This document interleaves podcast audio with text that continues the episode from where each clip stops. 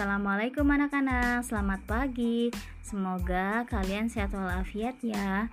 Oh iya, hari ini Ibu Guru akan menerangkan tentang kegiatan ekonomi. Disimak ya.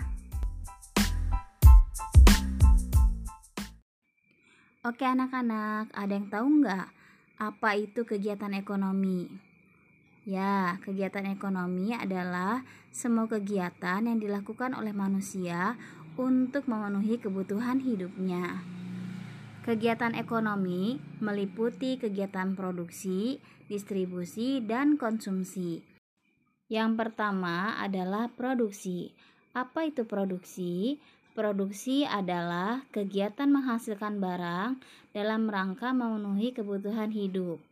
Contohnya, misalnya seorang petani menghasilkan padi, seorang guru mengajarkan ilmu bagi murid-muridnya ataupun seorang penjahit yang menghasilkan bahan jahitannya. Yang kedua adalah distribusi. Distribusi adalah kegiatan menyalurkan hasil produksi dari produsen ke konsumen. Contohnya jasa pengiriman barang. Dan yang terakhir adalah konsumsi.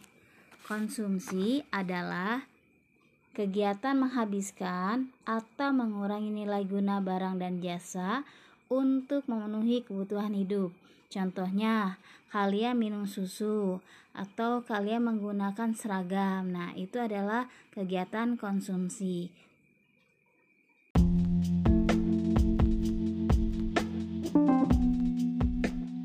Baiklah anak-anak, Itulah macam-macam kegiatan ekonomi. Semoga kalian memahaminya ya.